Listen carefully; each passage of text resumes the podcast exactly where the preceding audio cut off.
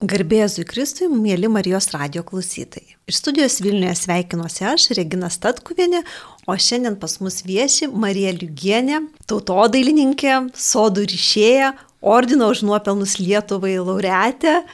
Garbėzui Kristui, Marija. Garbėzui Kristui. Per amžius amen. Tai labai ačiū, kad radot laiko, kad atėjot šiandien. Ir šiandien kalbamės apie besikeičiančius papročius, o gal jie nesikeičia, apie vėlinės ir Heloviną. Marija, sakykit, kodėl vėlinės, kai lietuviai susitikdavo su mirusiais, juos pagerbdavo, negalėčiau sakyti, kad išstumamios, bet vis daugiau vietos randa Helovinas, kaip priešingai žmonės su kaukiam laksto, bijo tų mirusių ir taip toliau.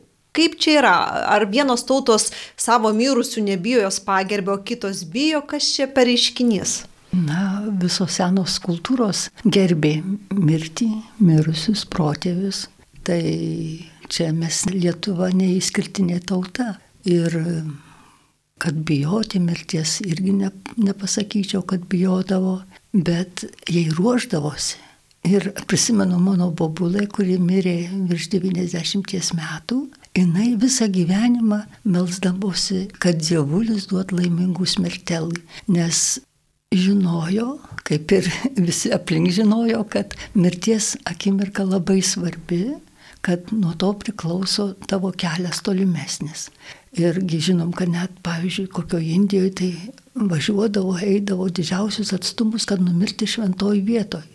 Ir kiekvieno seno žmogaus svajonė numirti savo lovai, prie savo šventų paveikslų, ne kažkokio ligoninėje, kur beveidės tenai sienos. Ir ta, iš tai mano ta bobulė melsdavosi, melsdavosi ir iš tikrųjų labai numirė labai laimingai, susirgo jinai penktadienį, paprašė, kad tėvulius pakinkintų arklį, nuvežtų ją į bažnyčią, išėjus ten atsisveikino labai taip iškilmingai su Dievu nameliai, su Dievu medeliai, su Dievu kiemeliai, takeliai, su visais jis atsisveikino, išvažiavo, grįžo po sakramentų ir sekmanį ryte mišių metu jinai maždaug mirė, taip ramiai, dar tiesa mus pakvietė, mes pusryčiavom, jinai pakvietė, kad ateitum melstis prie jos lovos, mes suklopėm visi ir sako, kalbėkit prie mirusių maldas, prie mirštančio maldas. Mes taip susižvalgėm, kas čia miršta, bobulai vaikšto, kalba, o jinai, bekalbant maldas, pradėjo mirti ir ten mačiau, kaip tėvulis uždegė žvakę, jin pakėlė taip ranką, uždėjo ant krūtinės laiko tą žvakę. Žodžiu, jinai išmeldė tą laimingą mirtį. Ir, na, tos mirties kaip ir nebijojo, tai visi žinojo, kad kas gimsta, tas ir miršta, čia natūralu. Ir čia vieno tokio šiuolaikinio filosofo paklausė, kas tave labiausiai stebina. Tas žmogaus neprieimimas mirties, kad visi aplink miršta, bet tik ne aš turbūt keičiasi papročiai, netgi visi aplink nemiršta, nes labai keistos laidotuvės dabar, jeigu anksčiau žmonės mirusi laikydavo tris dienas, būdavo atviras karstas, retai kada uždarytas, jeigu jau kokia baisi nelaimė ar ten kažkas atsitiko. Ir vesdavo į tas šermenis pati pamenu vaikystėje, eidavo ir vaikai atsisveikinti, ir, ir tas mirusis mirtis buvo kaip ir iš tikrųjų gyvenimo dalis. Tai dabar vis dažniau yra urna, graži nuotrauka ir kokia nors muzikėlė, ir žmonės susirenka pasižiūrėti to mirusio gyvenimo nuotraukų. Tai. Žodžiu, toks vakarėlis, tos mirties tarsi nėra, mes jos tarsi nematom. Kaip manot, kodėl čia toks keistas reiškinys? Aš kartais galvoju, gal žmonės seniau nebijojo nei mirties, bet nebijojo ir gyvenimo kūrė šeimas, gimdė vaikus, kovojo, eidavo į karą, dabar visi visko bijo, bijo gyventi, bijo truputį, bijo skausmo, bijo neigiamų emocijų, bijo ir mirties. Taip. Ir neveda, kaip tu sakėjai, prie per šermenis vaikų parodyti, kad vaikučių nesutraumuot. O dabar kas darosi per Helovinus, ten taip sutraumuojama psichika, ten tiek visokių baisybių ir, ir, ir išlikštinių pamatoma, kad jau čia labiau negali su, su, sutraumuoti psichikos, taip kad mes nelogiški savo veiksmuose. O, nu taip, mes bijom mirties, mes norim patogiai gyventi, juk visi šitie deginimai, visi tie su perdavimas visos tos ruošos valdiškoms įstaigoms, tai yra nu, savo patogumo dėliai, kad mums labai patogu, mes tuo metu galim savo gyventi tarsi niekur nieko, mes to mirusio nematom, o kažkas atlieka už mus tą darbą ir, ir pasamdyti kažkas tai pasimeldžia arba, arba ne, nu, užsako mišės geriausiu atveju ir viskas, ir mes pakasim tą urną ten keli centimetrai po žemę ir mes ramus, bet reikia daug gėlių, reikia daug pompastikos, reikia daug, reikia daug vaizdų vaizdų iš gyvenimo, reikia filmus rodyti to mirusio. Na, žodžiu, tas paviršutiniškumas ir tas materializmas parodo savo ką. Bet Marija, aš gal netgi drįščiau teikti, kad, ką žinai, ar supaprastinam savo gyvenimą, gal kaip tik apsunkiname, esu kažkur skaičiusi, kad senoviniai laidotuvių papročiai, šerminų papročiai leisdavo žmogui išgyventą netikti, išgyventą skausmą, jį pajaust, o kai išgyveni pajauti, ateina laikas ir išgyjimui. Kai tu tos mirties tarsi nematėjai, neišgyvenai, tai turbūt ir sunkiau susitaikėt ir dėl to žmonės ir visokiam ir skundžiasi ir depresijom, ir nerimu, ir, ir, ir tos ramybės. Tai nėra laimės, tai nepadaugėjo paslėpus mirtį. Tuo metu nuskausminimas toks vyksta, o paskui vis tiek įsiveržia viskas tas ir tie nepadaryti kažkokios skolos tam žmogui, kad ir nebuvimas prie jo paskutinę akimirką, paskutinę minutę. Taigi mes bijodami tos mirties, kai tik tai pablogėja, žinom, kad žmogus nepagydoma lyga serga ir mes jį išgrūdam į ligoninę, kad toliau nuo mūsų akių kad mes tarsi apsisaugom, bet aišku, paskui viskas sugrįžta ir, ir, ir gerai, kad dabar vat, atsiranda tie hospisai, kurie, kurie rūpinasi ne, kad pratesti žmogaus ten, ten keliom valandom tą gyvenimą, tą, bet, bet jau rūpinasi dvasiniu tuo jos būseną ir, ir kad jį kažkiek paruošti tam gyvenimui. Bet jų labai mažai ir aišku, kad mes visų nesuguldysim į hospisus. Sakyt, Marija, vėlgi grįžtant prie mūsų tų papročių ir tos drąsos pasitikti mirtį, kaip jūs gražiai apie savo močiutę pasakoja, turbūt žmonės nebijodavo, kai tu išlydi tą mirusį, už jį meldiesi, palaikai už rankos, tai turbūt ir tos, nežinau, ir nebijai to pomirtinio gyvenimo pats ir to žmogus. Kas yra Helovinas? Ar tai yra kažkoks, nežinau, mirusiųjų šventė, ar tai yra piktųjų dvasių garbinimas, kas iš viso tai per reiškinys. Tiesiog dabar man tokia mintis kyla. Na, kaip sakant, sutrumpintai mirties kultas, kad mes tarsi taip bravūriškai žiūrim į tą mirtį, tuos mirusius, į vaiduoklius, į, ir mes žaidžiam su jais, juokaujam su jais, bet, bet iš tikrųjų, ko gero, už to slypi tokia tikrai labai giluminė ta mirties baimė, nesupratimas, kas čia vyksta. Bet, bet kaip tu sakei, kad nevertinam ne tik mirties, bet ir gyvenimo, kad mums atrodo, kas čia ta mirtis ir, ir, ir gal nenustepkim, kai padaugės čia ir daugiau savižudybių, ir, ir alkoholizmų, narkomanijos dabar, kada, kada žmogus tiesiog naikina pats save. Naikina pats save, vengdamas tų vadinamųjų blogų emocijų, tų išgyvenimų, ar teisingai suprantu? Ko gero. Nes jeigu vengiame matyti vienur, tai kažkur kitur jas išsilieja. Taip ir, ir svarbiausia, ot, kad mums šiuo metu būtų linksma, malonumai ir linksmybės. Marija, sakykit, ką praranda vaikai, turbūt, nes vaikai labiausiai tą Heloviną yra traukiami jauni žmonės, nesako, nu va, lietuvių čia visa kultūra persmelkta liūdėsiu ir čia tie mirusieji ir, žodžiu, tik tai verkiam, verkiam ir, ir, žodžiu, kur čia tos linksmybės. Kodėl vis dėlto per vėlinės yra svarbu jūsų akimis vis dėlto ne, ne į linksmybės, bet nuvažiuoti ant tų kapų ir pabūti loje mirusieji nejaučia. Sakytų, koks jiems skirtumas, čia gal gyviesiems svarbu. Jaučia ir mirusieji, jaučia nuoširdžią maldą ir, ir, ir atgailą ir kažkokį nu savo ir turi ir kažko tai atsisakyti, kažko atsižadėti, tokia ir auka, ir, ir gerus darbus daryti, ir, ir aišku, stengtis pildyti to mirusio valią. Ir Kapai mums labai buvo svarbi visais laikais ir netgi motinos, kai žūdavo kažkur kar, kare, jų sūnus verkdavo ne, dėl, ne tiek dėl to, kad jis žuvo, kiek dėl to, kad neturės net kapo, kur ateiti ir, ir išgėdėti ir pasi, pabendrauti su juo. Ir tvarka kapuose tai tvarka tarp mūsų ir mūsų mirusių. Ir, ir Seniau nebūdavo, aišku, tokios pošybos, nebūdavo tos amžinos ugnies, kaip aš sakau, dabar pas mus kaimo kapinaitėse yra kapai, kur beveik išisai dega, dega žvakės. Mano sodyba prie pat kapų ir aš labai gerai matau. Tai to šito nebūdavo. Šitas paprotys yra gana vėlus, vėlai atsiradęs, bet elementari tas ta tvarka, tokia pošyba labai natūraliom, ten kažkokiam ogutėm, kažkokiam giliukais, konkorėžiukais, samanėlėm. Ir ne tik, kad mano kapas, bet ir šalia esančio kapas, kurio nieks neprižiūri.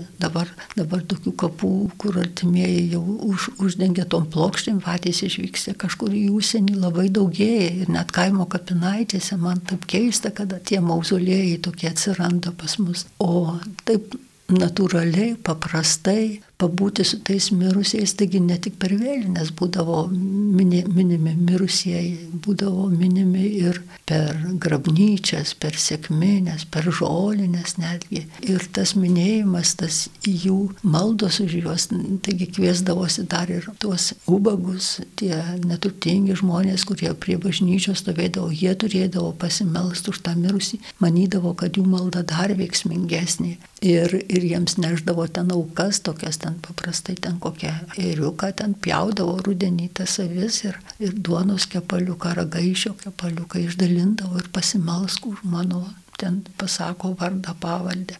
Taip kad šitas bendravimas su tuo mirusiu, ypač lapkričio mėnesį, kada, kada specialiai tam yra šventė, kada mus pati gamta moko, rodo, kad štai ciklas baigėsi, čia vat miršta, čia lapai krenta, čia paukščiai įskrenta, čia, čia derlius visas surinktas tarsi, o tas ir derlius, tai jį laimindavo mūsų protėviai, buvo tikima, kad kai laidoja į žemę žmogų, jo kūną, tai taip ir, ir tą grūdą beria ir ten tie protėviai su tais grūdais kažkaip susisiekia ir kad jie gali palaiminti tą derlių. Tai jau vien dėl to reikia eiti ir pagarbą atiduoti tiems mirusiems. Mėla Marija, kažkokioje gražioje knygoje, nepacituosiu dabar pavadinimo, skaičiau, kad miestas arba valstybė prasideda tada, čia iš tų senų laikų, kai žmonės klajodavo ir, žodžiu, kur jau, kai palaidoja kapinėse pirmąjį mirusi. Kol miestas neturi kapinių, tol nėra miesto. Kitaip tariant, yra gyvųjų miestas ir yra mirusių miestas ir va tada čia yra mūsų žemė, čia yra mūsų namai. Sakykit, galbūt tas mirties ir, ir tas protėvių toksai pripažinimas arba įvedimas į kasdienį gyvenimą, net ne į kasdienį, į šventes, bet sąsąją su jais rodo ir ryšį su gimtaja žeme, nes kas yra tavo tėvynė, jinai yra labai apibriešta, yra aiški žemė, aiški riba. Ir kaip gal jis stebino pasaulį, kai čia atsiradus nepriklausomybė įstojus mūsų šitai paskutiniai gabenome savo palaikus iš Sibiro, iš, iš Kažikur, iš, iš per didžiausius vargus, per didžiausias kančias surasdavo, atkasdavo iš to šiukšlyno kažkur ištraukdavo arba dabar su tais partizanais. Kaip mums svarbu tą pagarbą tam kūnui, kuris kuris visgi nešiojo tą sielą, nemirtingą mūsų sielą ir jam atiduoti tą pagarbą ir, ir tam mūsų mirusiam. Tai aišku, kad į žemę turi būti pargabenti tie palaikai, kurie kažkur tai išbarstyti. Dabar man keista, kai tas pelenus išbarsto virš, virš kažkokio ten vandenino ar jūros ar miško. Beje, Lietuvoje berots, kiek žinau, iki šiol tai yra nelegalu. Sudeginti žmonės turi būti arba laidojami, arba kažkur saugojami, tokie išbarstymai yra neleidžiami ir labai suprantama. Nežinau, čia taip pajokausiu, bet visai nenorėčiau kažkur vaikščioti gamtoje ir kad man į veidą ten kažkas iš kažkieno urnos kažkokių pelenų paleistų tikrai. Tai čia toksai vėl, ar tai yra nepagarba žmogui, ar tai mirties neįgymas? Tai, tai tamsumas, aš sakyčiau, nu, ne, iš neišmanimo žmonės daro. Aišku, kad buvo per visą istoriją pažiūrėjus periodų, kada buvo deginami, bet kaip tu sakai, tai tos urnos irgi pagarbiai būdavo suguldomas ten dar ir būdavo kažkokios apėgos su ugnim, kad vis, vis kur tose archeologai randa tose palaidimo vietose ten ir angliukų, ten kažkas tai būdavo atliekama, o, o ne taip, kad dabar išbarstoma čia Jacksonas ar kas čia padarė pradžią, kad jį, jo pelenus ten išbarstykina ir, ir dabar visi kaip papūgos iš, iš tamsumo ir iš manimo tą daro. Mėla Marija, tikrai labai gerai paminėjo žodį tamsybės. Kartais galvoju, ar negrįžtame į vėl kažkokius tamsiuosius laikus, kai žmonės viena vertus naudojasi technologijom, čia dirbtinis intelektas jau mums toje padės. Kita vertus, matau daugybę tamsumo prašau, kad ir nueikime į kavinę ir vietoje arbatpinigių karmos taškai.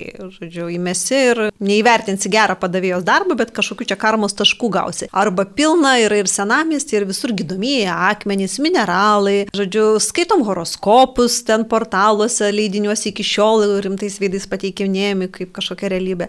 Ar šio laikinis žmogus netampa gerokai tamsesnis už tą jūsų bobutę, kuri, kaip suprantu, nežinojo, nujautė, kada mirs ir pasiruošė mirčiai. Iš tikrųjų, tas materializmas visai suskystino smegenis mums ir, ir mes viskas, kaip tu sakė, iš tamsumo, iš neišmanimo, iš nesupratimo, kad žmogus yra dviejopos prigimties, kad be kūno dar yra ir siela, kurie labiausiai reikia ir reikia rūpintis, o ne tuo, kas praeina.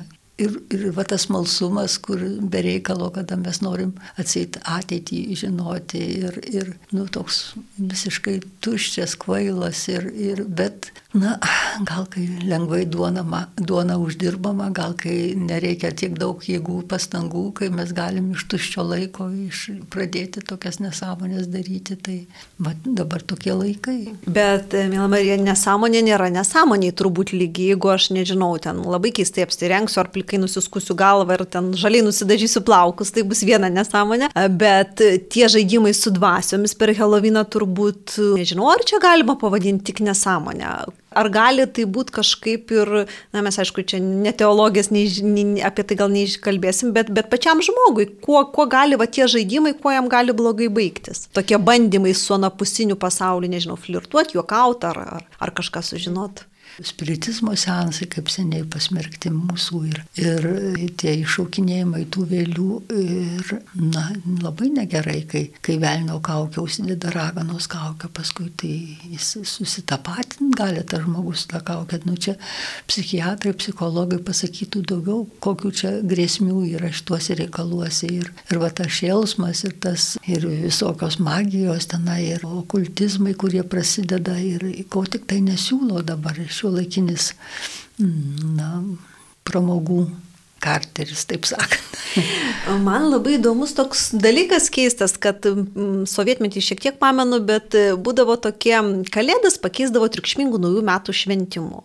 Jeigu lietuviai tradiciškai penktadienį pasininkauja, tai valgyklose žuvies diena ketvirtadienis. Kitaip tariant, senąją šventę arba kažkokį paprotį išstumdavo naujų, būtinai sudarydami sąlygas, kad tam senam būtų nepatogu arba jų užgoždami. Helovynas vėlgi vėlinių iš, išvakarėse vos, ne visų šventų žodžių išvakarėse pirmiausia tas trankus Helovynas. Kaip manot, kodėl būtent šią naktį, kodėl būtent šituo laiku švenčiamas ir vėlinės, ir, ir, ir Helovynas? Na va taip, ir sunku pasakyti, kas čia šitą daro, bet ta šventė atsirado keltuose ten. Taip kaip mirusiųjų paminėjimo diena, nes pas juos lapkričio pirmą berods buvo nauji metai. Ir pradedant va tos naujus metus, kaip ir būdavo prisimenami tie mirusieji. Bet va ta šventė išvirto į, į tokias nesąmonės. Ir... Tos pačios šventės bandomos pakeisti, išstumti jas būtent tuo pačiu metu švenčiant kažkokias. Aš galvoju, galbūt tai yra, kaip jūs minėjot, mirusiųjų pagerbimą turėdavo visos žemdirbių tautos ir visos jų nebijojo ir, ir pagerbdavo. Ir toks įdomus dalykas. Ir mirusieji gulėdavo savo žemėje. Savo žemėje buvo svarbu pargabenti, turbūt nuo antikos laikų mes padavimuose galim rasti priminimų, kai yra pageidavimas palaidot būtent ten ar kažkur kitur, kur tam žmogui svarbi žemė. Ir kalbant apie tas keltų šventes, ar negalėjo būti čia tas virsmas toks šventės susijęs su tuo, kai atradus Ameriką ir senbuvių indienų žemėse atsikėlus naujam kolonistam, jom, jam natūralu tos senosios kapinės buvo baisios, nes ten ne jų mirusieji, nes ten ne jų žemė. Ar galėjo susiformuotas toksai skirtingas požiūris į mirtį būtent todėl, kad kai nesu savo žemėje, tai tie mirusieji nemano ir dėl to jie man yra baisus. Ko gero, ko gero, čia aš nepagalvoju apie tai, ko gero taip ir yra. Jo, Nes berots lietuviai irgi, kai kovodavo pilkapių laikais, tai priešai bijodavo atsidurti, žodžiu, svetimų tautų kapinėse, pilkapinuose. Klausimas, kodėl, ko ten bijoti mirusiųjų gyvųjų reikia bijoti. Tai, Tai galbūt iš to galim pasvarstyti, kad atsirado ir, ir, ir kur yra, nu, sakykime, natūralu, tai mums vis dėlto nereikėtų turbūt baimintis. Taip, ir vat praėjo tiek metų ir, ir ta šventė, kuo toliau, bet dabar kas mums darosi, mumsgi labai daug šventėms įtaką daro m, mm, prekybiniai centrai. Ir dabar jau iš tų persirengimų, tai ten paskaičiuota yra, kiek ten milijardų, kiek ten užsidirba iš tų kaukių, iš tos visos atributikos Helovino. Aš Liudlinoje jau ir žiūriu, kad iš tiesios lentynos ten viso, visko ko ir kostiumų sunkumų ir tai dar čia dar vienas faktorius. Galbūt kalbant apie tas kaukės, iš tikrųjų toks paradoksas, labai dažnai kalbama apie kaip čia mums svarbu išsaugoti tą žalesis kursas, kaip svarbu saugoti gamtą, bet mm. tokių teršalų kaip kaukės, galų galia ir vėlinių žvakės. Marija, ką Jūs galvojate, tiesiog visos kapinės apkrautos šiukšliam irgi. Jeigu anksčiau degindavom vaškinės žvakelės ar, ar iš parafino, tai dabar kapai nukraunami na šiukšlėmis, dirbtinės gėlės, ten tos žvakės ir, ir panašiai panašus dalykai. Kaip tokie dalykai, ką Jūs apie juos galvojate? Ar čia tiesiog šiaip kultūrinis pokytis, ar, ar vėlgi šiukšlinam ir gamtą, ir savo sielą? Ir...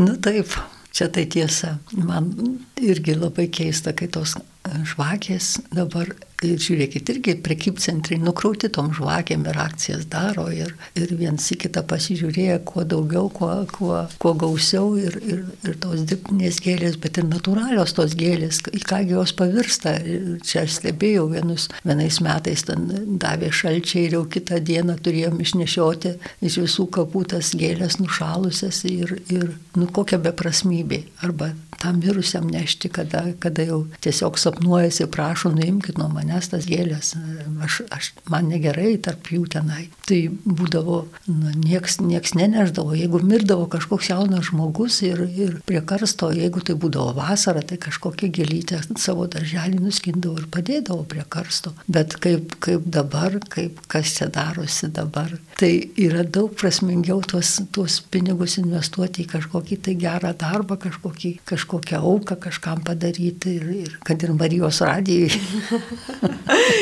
užuot, užuot papirkus tokius nereikalingus daiktus. Mėla Marija, kaip Jūs galvojate, arba gal kaip pastebit, tie besikeičiantis laidotuvių papročiai turbūt žymi ir kažkokį, nežinau, civilizacinį, technologinį pokytį. Galvoju, kai lietuvai pradėjo iš pradžių pilkapiuose degino mirusius, paskui jau nebe pilkapių nebenaudojo kaip, kaip įtvirtinimų, nebegyveno liovės ir degintos mirusius. Gal čia vėlgi mes perinam į tą, nežinau, kažkokią kitokią visuomenę, dirbtinis intelektas, kompiuteriai ir, ir ta mirtis vėl tampa kitokia. Na ir čia labai daug pasidarbavo mums COVID, kai, kai mes pradėjom bijoti to mirusio, atidengti to karsto ir, ir deginti. Ir čia mus tiesiog skatino ir vyriausybė, ir, ir visi kiti, kad kad kuo daugiau ir pristatė patogumui šitų mums krematoriumų.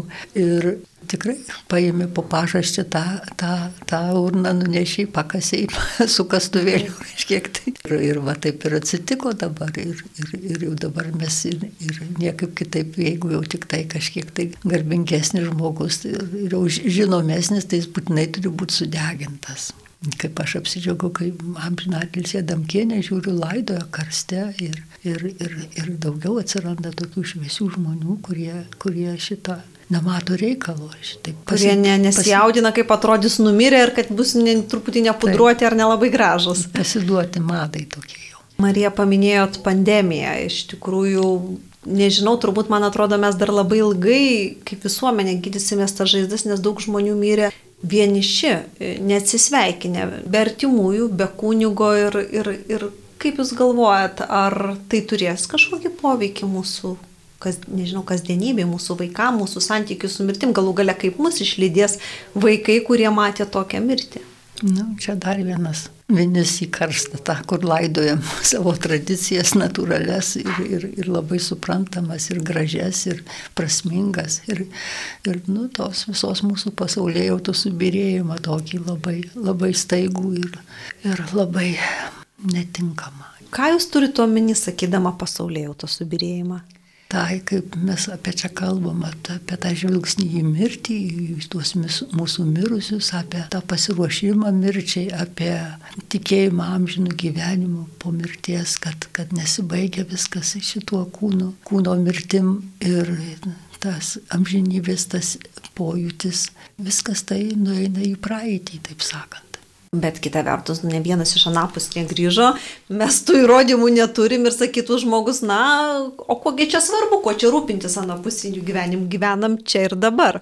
Materialistas taip ir pasakys, gyvenam čia ir dabar, kuo daugiau duonos ir malonumų ir žaidimų. Tai tas ir pražudė kai kurias civilizacijas. Va tas šūkis. Bet nepaisant duonos ir žaidimų materialistui, turbūt irgi ateis ta diena, kai teks atsisveikinti su šiuo pasauliu. Marija, kaip Jūs galvojat, kad Jūs irgi paminėjot savo močiutės pavyzdį ir tikrai tokių dažnai yra pasakojimų, kai žmonės senovai žinodavo, kada mirs. Na, nereiškia, kad jie žinodavo gyvendami, bet va ateina ta senatvė ir sako, mirsiu iš tikrųjų, kvieskit giminės, kvieskit vaikus, melskitės, kvieskit kunigą ir žiūrėk, žmogus uh, sukviečia visus, atsisveikina ir numiršta.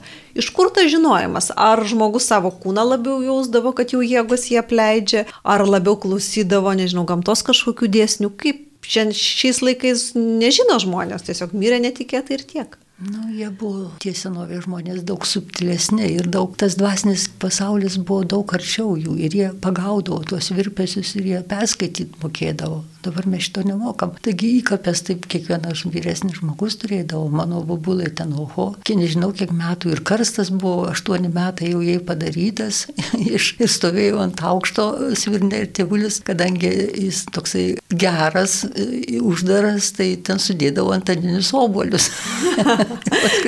kai buvo bobulė pašarvojo, tai visai nekvėpėjo tais antaniniais oboliais. Nu, ir, ir, ir čia tos kapinaitės vietoje, ir, ir, ir sakramentai visi. Na, toks, toks susitaikymas su tuo ir toks aiškumas, kad, kad ir, ir kada mirs, taip matyt, paaiškėja žmogui yra, žinau, kad specialios tokios maldos, kad, kad, kad žinotum savo mirties valandą. Ir va tos giesmės, suplikacija ta, kad, kad nuostaigios ir netikėtos mirties gelbėk mūsų viešpate, kad tas žmogus labai nesusivokia ir kad tos kančios didelės, tos lygos duodamos tam, kad žmogus, na, taip ir atsirištų nuo, to, nuo tos materijos, nuo to pasaulio, kad, kad jo netrauktų, nes galų galia ta skaistikla kasgi yra. Tai tai atsilukštenimas nuo savo tų norų, sudeginimas tau ugny, toj, toj kaitroj, tų troškimų, tų emocijų, tokių nesveikų, tokių, kad viskas ten turi sudegti, kad liktų ta grina esmė, ta, ta savasti žmogaus, kuri paskui jau eina į šviesos ten tą tėvynę. Tai, tai va turbūt iš to atsiranda tas žinojimas ir mirties valandos. O kodėl senovės žmogui buvo baisi tas taigi ir netikėta mirtis? Nes šio laikinis žmogus sakytų kaip tik gerai, jokių kančių, jokio nerimo ir, ir panašiai. Dabar aš kiek kartų patyriau šitą ir kaip pas, pasakau, va šitą nuostabios ir netikėtos mirties. Oi, taigi tai labai gera mirtis, ėjau, ėjau gatvę, gatvę ir va, pykšt manęs nėra. Tai, bet kaip sakau, jie tada, na, jiems po to labai blogai. Jiems, aišku, tų kančių nėra, bet, bet po to, kol jie tą skaistyklos ugnį viską nesudegina, tai tol, tol. O kai žmogus serga, jis atsiriša po, po truputį, jis pamato, kokia beprasmiška yra e, šitas kaupimas, mūsų bėgimas, lėkimas, tos kūnų, tos rūpinimasis, kokia beprasmybė čia. Neseniai perskaičiau, kaip sultonas vienas miršta ir jis pasako, kad mane tegu neša mano karstą geriausi daktarai ir prieš mano karstą barstykit mano auksą į sidabrą, tegu įima kas nori ir mano rankos tegu būna iškeltos ir tie jau visi jo patarėjai trauko pečiais ir kodėlgi paaiškink, reiškia, kad geriausi daktarai, geriausi gydymai neišgelbės tavęs nuo mirties, todėl turi jie nešti karstą, parodyti, kad jie bejėgiai prieš mirtį. Mano turtai visi užgyventi, jie man reikalingi, aš juos palieku žemėje, aš, aš čia juos sukaupiau čia ir palieku, mano rankos iškeltos rodo, kad aš nieko neįsinešiu vieną pasaulį. Nu, tai va tokia pasaka, bet mums reiktų dažniau prisiminti ją. Ir aš galvoju, kartais čia toks vėlgi šiek tiek egoistinis požiūris, kad staigi mirtis kažkam patogi, bet jinai labai nepatogi turbūt artimiesiam, kurie turėtų ir, ir atsiprašyti, ir susitaikyti, ir, ir tuos paskutinius patarnavimus atlikti, nes kai išleidi tą žmogų su juo tinkamai atsisveikinęs, tai turbūt ne, nebesisapnuoja nei jokie košmarai, nei jauti kalties jausmo, kad to ar ano nepasakiau ar blogai elgiausi, tai turbūt ir tai svarbu.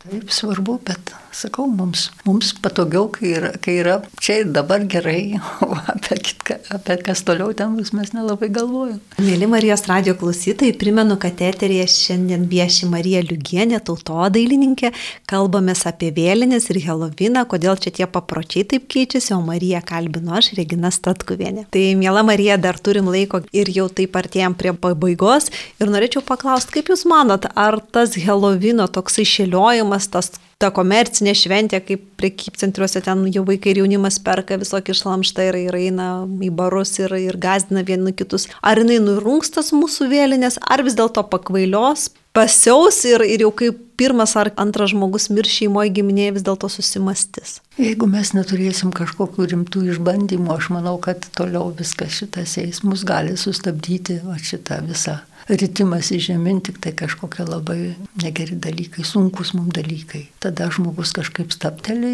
ir, ir pradeda galvoti, gal aš kažką netaip darau.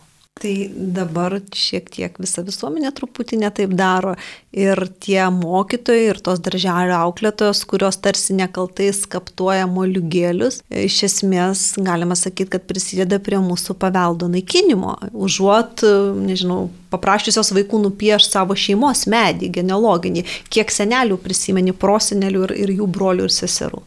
Taip, Taip, iš tikrųjų visi mes prisidedam prie šito, kodėlgi nepakvietus tų vaikų sutvarkyti kažkokių baglobių namus. Karveliškių kapinėse yra didžiausi, didžiausi plotai palaidoti savivaldybės lėšom, kur, reiškia, ne, nieks nelanko jų, nieks neprižiūri, ten ir mažų vaikų, ir, ir kūdikių nužudytų, ir, ir negimusių, va, tų, tų, tų visų tokių. Va. Tai čia kodėlgi nenuvedus ten tų vaikų ir neparodžius, kad štai kas, štai kas būna ir po mirties, kada tu taip gyveni, kai, kaip kontrastas čia jau kiti kapai išpuošti ir žvakėm puošti degančiom ir gėlėm, o čia niekieno niekieno žemė, niekieno žmonės, niekam nereikalingi. Tai gal prasmingiau būtų tokie dalykai parodyti vaikams ir, o ne moliūgus skaptuoti.